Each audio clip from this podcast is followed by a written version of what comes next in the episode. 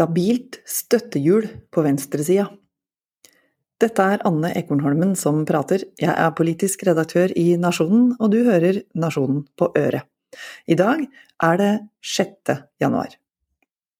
Stabilt er det mest beskrivende ordet for velgernes partipreferanse ei uke inn i det nye året.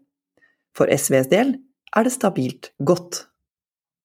Justisminister Emilie Enger Mehls foreløpig uavklarte rolle og ansvar i saken om Nasjonal sikkerhetsmyndighets ulovlige låneopptak ser ikke ut til å prege folks oppfatning av Senterpartiet eller av regjeringa som helhet. Senterpartiet får 6,6% oppslutning på den siste politiske målinga Nordfakta har gjort for Nasjonen og Klassekampen. En liten opptur fra 5,5 i desember, men alle endringene denne måneden er innafor feilmarginen. Velgere og politikere har nok vært mest opptatt med jul og nyttårsfeiring. Et utslag er at Ap kan notere seg for 19 oppslutning, en framgang fra 17,7 i desember. Siden sist har Ap-leder Jonas Gahr Støre kommentert sjakk i NRKs julestudio, åpnet døra på gløtt for MDG og rost Rødts Marie Sneve Martinussen for å drive konstruktiv politikk. Det ser Ap-velgerne ut til å like. De er nok klar over behovet for å styrke det eksisterende regjeringsprosjektet gjennom bedre og breiere dialog med andre partier. Statsministeren har også nylig holdt sin faste halvårsoppsummerende pressekonferanse og den TV-sendte nyttårstalen. Begge anledninger brukte Støre til å forsikre oss om at vi skal få bedre råd.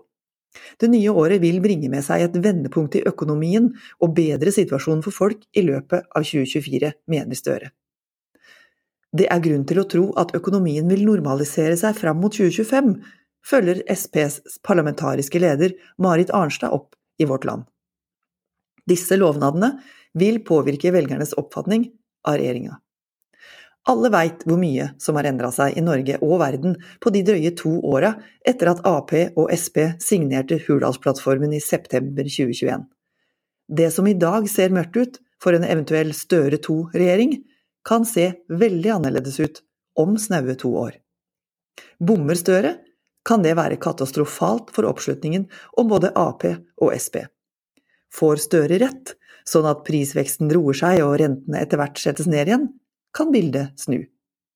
Da kan Støre og finansminister og Sp-leder Trygve Slagsvold Vedum med ny troverdighet vise til politisk styringsevne i trøblete tider, og få uttelling hos velgerne.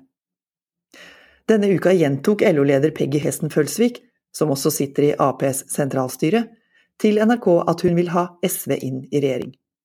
Skal de samle seg i en rød-grønn flertallsregjering etter stortingsvalget i 2025, må det formelle samtaler til mellom de tre partiene. Hvor vennlig innstilt Senterpartiet er til SV, avhenger av flere ting, men for Vedum kan det umulig friste så lenge SV fortsetter å være nær dobbelt så stort som Sp. Det mest påfallende ved denne nye målinga er nemlig at, er nemlig at SV har en stabil velgertekke. Partiet har funnet seg godt til rette på titallet i oppslutning, den fjerde måneden på rad og den sjette gangen totalt det siste året. Kirsti Bergstøs mannskap er tydelige og konsistente som regjeringas støttehjul og utfordrer.